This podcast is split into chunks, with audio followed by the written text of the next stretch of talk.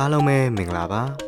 Spring University မြန်မာရဲ့ podcast အစီအစဉ်ကနေပြီးတော့ပြန်လည်ကြိုဆိုလိုက်ပါတယ်ဒီ podcast ကိုတော့ကျွန်တော်ဆိုင်ရန်ကစီစဉ်တင်ဆက်သွားမှာဖြစ်ပါတယ်ကဲအဲ့ဒါဆိုကျွန်တော်တို့ဒီနေ့ဆက်လက်တင်ဆက်ပေးသွားမယ့် episode ကတော့အဆင်မပြေတာကအဆင်ပြေပါတယ်ဆိုတဲ့ series ရဲ့ episode 2 panic attack ကြောင်းပဲဖြစ်ပါတယ်အားလုံးပဲနားတော်တာဆင်ပေးကြပါအောင်ခင်ဗျာ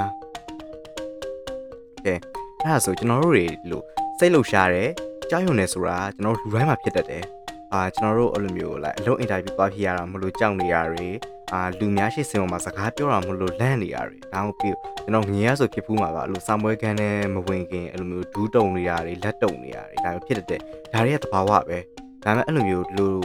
ကြောက်တဲ့ပုံစံမှာတော့တယောက်နဲ့တယောက်တော့ပုံစံချင်းတော့မတူဘူးကြောက်တာဒါပေမဲ့ဒီလိုမျိုးအဲ့လိုစိတ်လှုပ်ရှားတာတွေပေါ့နော်ဒီလိုစိတ်လှုပ်ရှားတာတွေလိုကြောက်တာတွေကပါအဲ့လိုပြင်းထန်လာပြီးထိမ့်မအောင်ဖြစ်လာတဲ့အခါကျတော့ လူကြားသူကြားမှာအရန်ဒုက္ခရောက်တယ်အာထိုင်ရမလို့လို့ထားမလို့လို့အိမ်သာသွားခြင်းသလိုလိုအန်ခြင်းသလိုလိုစသဖြင့်ပေါ့အာအဲ့လိုမျိုးလွန်ခဲ့တဲ့ပေါ့နော်ကိုယ့်ရဲ့ခန္ဓာကိုယ်ကအဲ့လိုမျိုးလွန်ခဲ့တဲ့အဲ့လိုတုတ်ပြန်မှုတွေဖြစ်လာပြီဆိုရင်ဒါကိုကျွန်တော်တို့ panic attack လို့ခေါ်လို့ရပြီ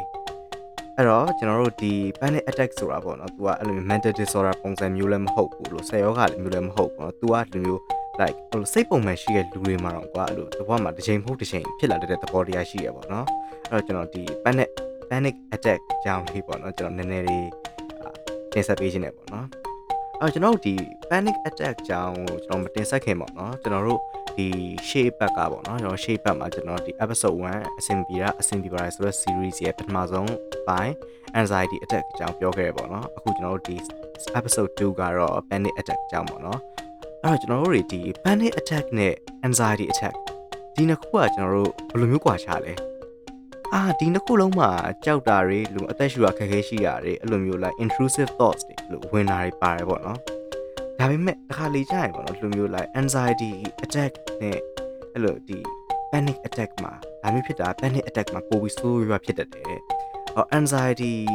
ရကြတော့ဘယ်လိုမျိုးလဲဆိုတော့သူ့မှာ specific ဖြစ်တဲ့အဲ့လိုမျိုး environment ရှိ setting ရှိရယ်ပြီးတော့ကိုယ့်ရဲ့စိတ်အခြေအနေရတယ်ပေါ့နော်အစားတွေကကိုယ်ကလူမျိုး disorder သဘောမျိုးခံစားလာတဲ့သူမျိုးဆိုရင်တော့ပေါ့နော်အဲ့လိုမျိုးဆက်စားချင်းမှာနည်းနည်းသိမ်မှုတွေပဲ mail ဖြစ်နိုင်တယ်ဒါမှနောက်ပိုင်းကျ moderate နဲ့ severe အထိရောက်သွားနိုင်တယ်ပေါ့နော်ဒါကတော့ anxiety attack ကတော့ကွာသူကဒါကိုယ်မှာ disorder ဖြစ်နေပြီဆိုရင် identify လုပ်လိုက်လို့ရတယ်ဒါကို treatment ဘယ်လိုကုသမလဲဆိုပြီးကျွန်တော်ရှာလို့ရတယ်ပေါ့နော်ဒါပေမဲ့ panic attack ကျတော့အဲ့လိုမဟုတ်ဘူး အာကျွန်တော်ဘယ်လိုမျိုးပြပြမလဲဆိုတော့ကွာ like panic attack ကကွာတော့ဘုံကနေကိုယ်စီရောက်လာတာကိုယ်စီမှာကွာတဖြည်းဖြည်းတဖြည်းဖြည်း gradually develop ဖြစ်နေရမျိုးမဟုတ်ဘူးကိုယ်စီရောလို့ဘုံကနေဆိုပြီးရောက်လာတယ်ပြီးတော့ရောက်လာမယ့်အချိန်ကိုလည်းကိုယ်ကြိုးသိလားမသိဘူးအဲ့တော့ဒါကို panic attack ကိုကျွန်တော်တို့က prevention လုပ်လို့မရဘူးအဲကြိုးပြီးတော့ကာကွယ်လို့မရဘူးအဲ့တော့ဒီ panic attack ကပေါ့နော်ကျွန်တော်တို့လူမျိုး like လို့ကိုကြောက်ရမယ့်အချိန်တွေပေါ့နော်လို့စာမွေးခန်းနဲ့မွေးခင်း interview မွေးခင်းဒါမှမဟုတ်ပေါ့နော်တခြားကလို့ကို trigger ဖြစ်စေမဲ့ဟို setting တစ်ခုခုရှိမှမဟုတ်ဘူးလူကအဲ့လိုမျိုးကွာလိုက်စိတ်ငြိမ်နေရကွာတော့ကိုကကမ်းဖြစ်နေတယ်ဒါမှမဟုတ်ကွာအိပ်ပျော်နေတယ်အဲ့လိုအချိန်တွေမျိုးမှာတော့တို့ panic attack ချဖြစ်တယ်ကွာ like ဥပမာကွာကျွန်တော်တို့အိမ်မက်ဆိုးတွေမှတ်တယ်အဲ့လိုအိမ်မက်ထဲမှာကိုယ်အတွက် trigger ဖြစ်စေမဲ့ setting တစ်ခုခုပါလာလို့ပေါ့နော်အဲ့ setting တစ်ခုပါလာလို့အဲ့အချိန်မှာလည်း panic attack ဖြစ်တယ်ပေါ့နော် ဟို panic attack ဖြစ်လာပြီဆိုရင်တော့ဗောနော်အဲ့ panic attack မှာကြုံရတဲ့ကြောက်လန့်မှုတွေကတကယ်တော့ကိုယ်အဲ့လိုမျိုးအသက်အန္တရာယ်လောက်ထိတော့မပေးနိုင်ဘူးဗောနော်ဥပမာ like အာစာမွေးဖြေတာတွေဗါတွေအဲ့လိုမျိုး interview ဝင်တာတွေအသက်အန္တရာယ်ရှိတဲ့အလုပ်တွေမှမဟုတ်တာဒါကကြောင့်ကိုယ်ရန်တွေးပြီးတော့ဗောနော်ငါလုံနိုင်ပါမလားငါအဆင်ပြေပါလားဆိုအဲ့ကြောက်နေတဲ့ပုံစံမျိုးဗောနော်ပြီးတော့ဒီ panic attack ကပေါ့နော်ဒီ episode တွေပေါ့နော် panic attack episode တွေကကျွန်တော်တို့ normally ပုံမှန်အဖြစ်9မိနစ်ကနေပြီးနိုင်ဝက်လောက်ထိပဲကြားတတ်တယ်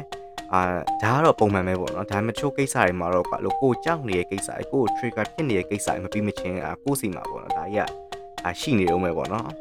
အဲ့တော့ဟုတ်ပြီဒါဆိုဒီလို panic attack ဝင်လာပြီဆိုရင်ပေါ့နော်ကိုမှ physical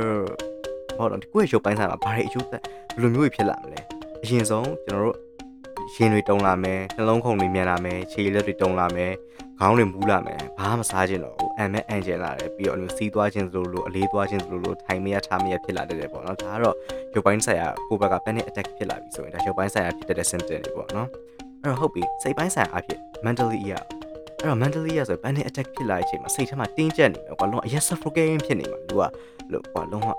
အတက်စိတ်ထဲမှာတစ်ခုမွန်းကျက်ပြီးအဲ့လိုဖြစ်နေမယ်ပြီးတော့ငိုလဲငိုချင်လာမယ်တခါလေကျရင်တော့ချငိုလိုက်တဲ့သူတွေလည်းရှိတယ်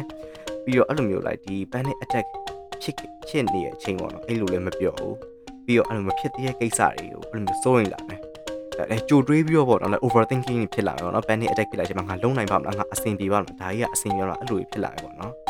ကဲအဲ့တော့ဟုတ်ပြီကျွန်တော်ဒီ panic attack ကကျွန်တော်တို့ prevention မရှိဘူးလို့ကျွန်တော်ပြောခဲ့တယ်ဒါပေမဲ့ကြော်လာလို့ရတဲ့နည်းတစ်ခုရှိရမှာဟုတ်တယ်မလားအဲ့ဘာကြီးလဲကျွန်တော်ဆက်ကြောပြမယ်အဘလူကြော်လာမယ် panic attack episode တစ်ခုဖြစ်လာရင်အရင်ဆုံးအသက်ကိုပြင်းပြင်းရှူလိုက်အသက်ကိုရှည်ရှည်ရှူသွင်းမယ်ရှည်ရှူရှူထုတ်မယ် တစ်ခါအသက်ရှူမယ်ဆိုတစ်ခါအသက်ရှူရင်4မိနစ်အသက်ရှူမယ်ပြီးရင်4မိနစ်အသက်ရှူထုတ်မယ်အာ4မိနစ်မဟုတ်4စက္ကန့်4စက္ကန့်ကျွန်တော်ပြောမှာပါလို့4မိနစ်မဟုတ် sorry 4စက္ကန့်4စက္ကန့်ကိုကျွန်တော်တို့လိုက်ရှူရှည်ရှည်ရှူသွင်းမယ်ရှည်ရှည်ရှူထုတ်မယ်ဒါမျိုးလုပ်မယ်ပြီးရင်အာနှာခေါင်းနေရှူပြီးရင်10စက္ကန့်လောက်ပြန်အောင်မယ်ပြီးရင်ကျွန်တော်နောက်ထပ်4စက္ကန့်ကိုခုနအတိုင်းပဲနှာခေါင်းကနေမဟုတ်တော့ဘဲနဲ့ပါးစပ်ကနေသွားမယ်ကျွန်တော်လိုနီးနဲ့ပေါ့နော်နည်းနည်းလေးတော့အဲ့လိုမျိုးကြော်လွှားလို့ရတယ်ပေါ့နော်အထောက်ကူတော့ဖြစ်တယ်ဗျာ အာဒီနီးနဲ့ဆိုရင်ပြီးတော့နောက်တစ်နည်းကကြာမျက်လုံးမှိတ်လိုက်ကွာအဲ့လိုတစ်ခါလေးကြာရင်ကိုယ် trigger ဖြစ်စေရဲ့ event တွေထဲမှာကွာအဲ့လို trigger ဖြစ်စေရဲ့ event တွေထဲမှာကွာကွာလုံးဝအာဘယ်လိုမျိုးလဲဆိုတော့ကွာဒီကိုယ့်ရဲ့ setting ထဲမှာရှိတယ်ကွာကိုယ့်ရဲ့ environment ထဲမှာရှိတယ်ကိုယ်ပတ်ဝန်းကျင်ထဲမှာရှိတယ်ဥပမာကွာ like um like ကျွန်တော်ကားတိုက်ပူတဲ့သူတွေအဲ့လိုမျိုးကားတိုက်တဲ့ကား crash survivor တွေပေါ့နော်လို့ကားတိုက်တာနဲ့မသေးဘဲနဲ့အသက်ရှင်ခဲ့တဲ့သူတွေပါလေဆိုရင်ကွာ like သူက PTSD ပါရှိရတတ်တယ်ပေါ့နော်လို့တလုံး traumatize ဖြစ်နေတာ အဲ့လိုလူမျိုးတွေဆိုရင်လည်းကွာအဲ့လိုလူမျိုးတွေဆိုကွာလမ်းမှာသွားနေရကား chain ဆိုပြီးအဲ့လိုအတန်ကျဲကြီးကြားလိုက်တာကွာအဲ့လို PTSD ရှင်းဆို PTSD ကြောင့်ပေါ့နော်အဲ့လို panic attack ဖြစ်သွားတတ်တာလည်းဖြစ်တတ်တယ်ပေါ့နော်အဲ့လိုမျိုးအချိန်တွေမှာဆိုရင်ပေါ့နော်ကျွန်တော် generally ပေါ့နော်အကြံပေးရတဲ့ခုကတော့မျိုးလုံးမှိတ်ပြီးတော့ကွာအဲ့ setting ထဲမှာမနေနိုင်အောင်စူးစမ်းလိုက်အတင်းအားကုန်ရုံပြီးတော့မနေနိုင်အောင်စူးစမ်းလိုက်ပေါ့နော်ဘယ်လိုပြောကိုယ့်ရဲ့ဒီစိတ်ကိုယ့်ရဲ့ comfort zone နဲ့ကိုပြန်ဝင်ပေါ့နော်အဲ့လိုမျိုးပေါ့နော်ပြီးရင် like master releasing master releasing တွေလုပ်မယ်ပေါ့နော်ကိုယ့်ရဲ့ကြော်သားတွေပြေလျှော့မယ်ကိုယ်အသက်ရှူအတွင်းလုပ်ပြီးကိုယ့်ကြော်သားတွေပြေလျှော့မယ်ပေါ့နော်ပြီးရင်အဲ့လိုမျိုးနောက်တစ်ခုကပေါ့နော် like ကျွန်တော်တို့ therapist တွေပါတွေကလည်းပြောတတ်တယ်ပေါ့နော်နီးနီးရှိအဲ့ဒါဘာလဲဆိုတော့ပေါ့နော်ကိုယ်စိတ်ထဲမှာကိုယ်တက်တော့တက်ဖြစ်စီရဲ့အရာတစ်ခုကိုကွာဖန်တီးထားတာမျိုးပေါ့ဥမာကွာကျွန်တော်ဆိုရင်ကွာအဲ့လိုမျိုးကျွန်တော်ဆိုရင်တခုခု anxious ဖြစ်လာပြီဆိုရင်ကွာအော် okay မျိုးလုံးလေးမှိတ်လိုက်ပြီးတော့ကွာ လိုက်ကိုကိုကိုငွေဆောင်ကန်းကြီးတို့ငပလီကန်းကြီးတို့မှာဟုတ်တယ်အဓိကတော့ငပလီကန်းကြီးပါပဲအဲ့တော့ကန်းကြီးနဲ့ပတ်သက်ပြီး setting တစ်ခုခုကျွန်တော်ပုံဖော်ရတဲ့ပေါ့နော်အာငါဒီဒီမှာရှိနေတာပါလားဆိုကွာစိတ်ကပေါ့နော်ဒီမှာရှိနေတာဆိုကိုကိုကို relaxing ဖြစ်အောင်လုပ်လိုက်တယ်ပေါ့နော်အဲ့လိုမျိုးဟို like အခုဖန်တီးကြည့်လိုက်ကြအစရရတော့ဖန်တီးထားမှာပေါ့နော်နောက်ကြောင်ရင်ကိုပြန်သုံးလို့ရပါပေါ့နော်အဲ့လိုလေးဖန်တီးကြည့်လို့ရတယ်ပြီးတော့ like ငါကိုကိုကိုပြန်ပြီးတော့စကားပြောရမှာပေါ့နော်ကိုကကြကိုကိုပြန်ပြီးစကားပြောဆိုတော့ငါအဆင်ပြေရမှာပါငါအဆင်ပြေရမှာဆိုကိုကိုကိုပြန်ပြီး assurance assurance ပြန်လုပ်တဲ့ပုံစံမျိုးသဘောမျိုးပေါ့နော် အဲ့လိုမျိုးကျွန်တော်လုပ်လို့ရတယ်ပြီးနောက်တစ်ခုကကြတော့ like ဒီ panic attack ဖြစ်လာပြီဆိုရင်ဒါကိုကခဏခဏပေါ့နော်တစ်ခါလေမှဖြစ်တာမျိုးမဟုတ်ပဲတင်းလောက်နေမှာတစ်ခါအမြင်နှစ်လောက်နေမှာတစ်ခါဖြစ်တာမျိုးမဟုတ်ပဲနဲ့ခဏခဏ frequently ဖြစ်လာပြီဆိုရင်တော့သိကြတယ်ကျွန်တော်အရှိ episode ဒီမှာပြောခဲ့သလိုပဲအဲ့လောက်ထိဆိုးဝိုင်းနော် medication on ပါကျွန်တော်သက်ဆိုင်ရာဆရာဝန်တွေစီသွားကြည့်ပါ medication on ပါကျွန်တော်ဒီလိုနီးနေပေါ့နော်ကျွန်တော် overcome လို့ကြော်လွှားလို့ရတယ်ပေါ့နော်အဲ့လိုကြိုတင်ပြီးတော့ဒါပူတာလို့မရအဲ့လိုမျိုးကျွန်တော်ကြော်လွှားလို့ရပါတယ်ခင်ဗျာ အာအဲ့ဒါလည်းပေါ့နော်ဒီလို people နဲ့ attack နဲ့ပတ်သက်ပြီးတော့ကျွန်တော်ဟိုကျွန်တော် experience တစ်ခုလည်းရှိရပေါ့နော်အဲ့ဒါဘယ်လိုမျိုး experience လဲဆိုရင်ကျွန်တော်ဒီ2021ပေါ့2021 February I think 28ရက်နေ့ဖြစ်မယ်ကျွန်တော်တို့အိမ်သားမှာဆန္ဒပြကြတယ် အာဆန္ဒပြကြတဲ့အချိန်မှာပေါ့နော်ကျွန်တော်ကတော့ like normally ကျွန်တော်တို့ဒီကိုအိမ်သားစစ်ကြောင်းနဲ့ကိုမပေါင်းမင်းနဲ့ပေါ့နော်ကျွန်တော်တို့ဒီအာသမကစစ်ကြောင်းရှိတယ်ပြီးတော့ကျွန်တော်သွားရပူပေါင်းနဲ့ GSC စစ်ကြောင်းပေါ့နော် Trade Debate Committee ရဲ့စစ်ကြောင်းရှိရပေါ့နော်ကျွန်တော်အိမ်မှာ normally ပုံမှန်အဖြစ်ကျွန်တော်အိမ်မှာသွားပြီးတော့ပေါ့နော်အိတ်စစ်ကြောင်းမှာသွားပူပေါင်းတာပေါ့နော်ဒါပေမဲ့အိမ်နေ့ကကြာကွာကျွန်တော်မနက်ပိုင်းကျွန်တော်တို့ဒီမြို့နယ်စစ်ကြောင်းပေါ့နော်မြို့နယ်စစ်ကြောင်းရှိရအိမ်မြို့နယ်စစ်ကြောင်းရှိမှာကျွန်တော်ဆန္ဒပြကြရပေါ့နော်အာအဲ့ချိန်မှာပေါ့နော်ဒိုင်းဆိုပြီးတနတ်တန်ကြားလိုက်အိမ်မှာအဲ့တနတ်တန်နဲ့ အဲ့တနတ်တန်ကြားတဲ့ချင်းမှာကျွန်တော်ဘေးမှာလူတယောက်ကြာသွားတယ်အဲ့လိုမျိုးကျွန်တော်အခုထိအဲ့ဒါသူသေးသွားလားရှင်သွားလားဆိုတော့ကျွန်တော်အခုထိတော့မသိသေးဘူးပေါ့ဒဏ်ရာပဲရသွားလားဆိုတော့ဒါပေမဲ့အဲ့ချိန်မှာကြားတဲ့အချိန်မှာအာကျွန်တော်နည်းနည်းချင်း shock တစ်ခုရသွားတယ်ကွာတိလားဒီ shock တစ်ခုရပြီလူကအသက်ရှူပါပြီးမြန်လာပြီလုံးဝသူကလုံးဝအိတ်နေရာမှာရက်နေရကွာတိလားလုံးဝအဲ့လိုအိတ်နေရာယူပဲအဲ့လဲကြသွားတဲ့အလူကိုဆူဆူကြီးရက်နေရလုံးဝဘယ်မှမသွားနိုင်တော့အဲ့လိုမျိုးဖြစ်ခဲ့တယ်ပေါ့နော်အဲ့ချိန်မှာကျွန်တော်ဘေးမှာတခြား အကိုတွေအမားတွေကျွန်တော်ဝမ်းမီဆွဲခဲ့လို့ပါကျွန်တော်အဲ့နေရအဲ့နေရာမှာထိုင်ရကြီးငုတ်တော့မကြံခဲ့ပဲနဲ့ကျွန်တော်လွတ်လာပါအဲ့ကိုတွေအမားတွေဒီ podcast ကိုနားထောင်လေကျေးဇူးအများကြီးတင်ပါတယ်လို့ကျွန်တော်ပြောလိုပါတယ်ခင်ဗျာဒါကတော့ကျွန်တော် panic attack နဲ့ပတ်သက်ပြီးတော့ကျွန်တော်ရဲ့အတွေ့အကြုံတစ်ခုပေါ့နော် yeah so ကျွန်တော်ဟုတ်ပြီတော့ကျွန်တော်ဒီနေ့ကျွန်တော်တို့ဒီ episode ထဲမှာကျွန်တော် panic attack အကြောင်းကျွန်တော်တို့ဘယ်လိုမျိုးဆိုဖြစ်တတ်လဲသူကဘယ်လိုသဘောတဘာဝရှိလဲ symptom တွေပါလဲကျွန်တော်တို့ဘယ်လိုမျိုးကြော်လာလို့ရလဲဆိုတာကျွန်တော်တို့ဆွေးနွေးခဲ့ပွားပြီပေါ့နော် ကဲကျွန်တော်တို့ဒါဆိုရင်ဒီနောက် episode ပေါ့နော်နောက် episode တစ်ခုမှာနောက် episode 3ပေါ့နော်တတိယပိုင်းပေါ့အဲ့ episode မှာကျွန်တော်တို့ဟိုစားဒီ